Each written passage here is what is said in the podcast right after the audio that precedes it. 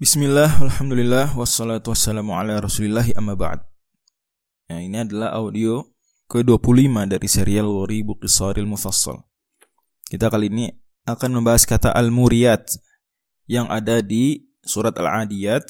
Allah firmankan Fal-Muriyati qadha Lantas kuda-kuda tadi yang berlari kencang sampai terengah-engah tersebut Dia Al-Muriyat. Kuda-kuda tersebut apa? Allah bersumpah juga dengannya.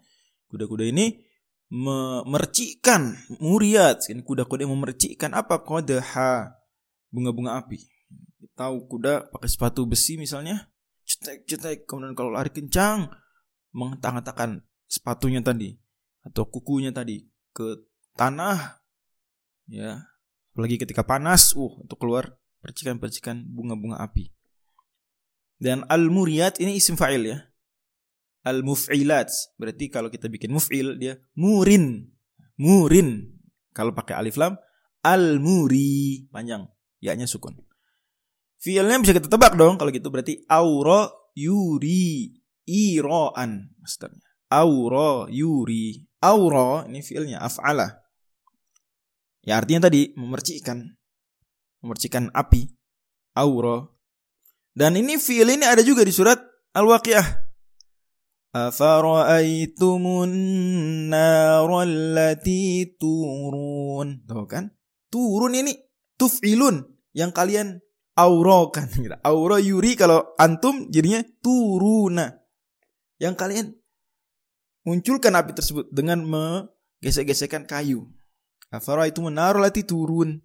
Sama akar katanya. Dan makna istiqoki dari kata aura yang bentuk dasarnya tentu waw, ro, kemudian huruf ilah. Huruf ilahnya adalah ya'i. Berarti waw, ro, ya. Makna istiqoqinya adalah um, terhimpunnya sesuatu ya da, di dalam sesuatu yang lain ini. Sesuatu meliputi sesuatu. Ya. Seolah-olah percikan bunga-bunga api tadi itu tersembunyi tadinya. Kemudian dimunculkan. Begitu juga panas api tadinya ada di kayu, digesek-gesek termunculkan.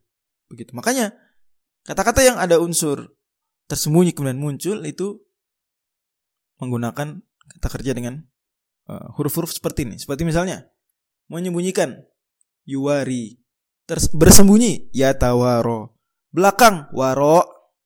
Jadi waro disebut belakang karena disebut waro karena tadi dan seterusnya. Wallahu a'lam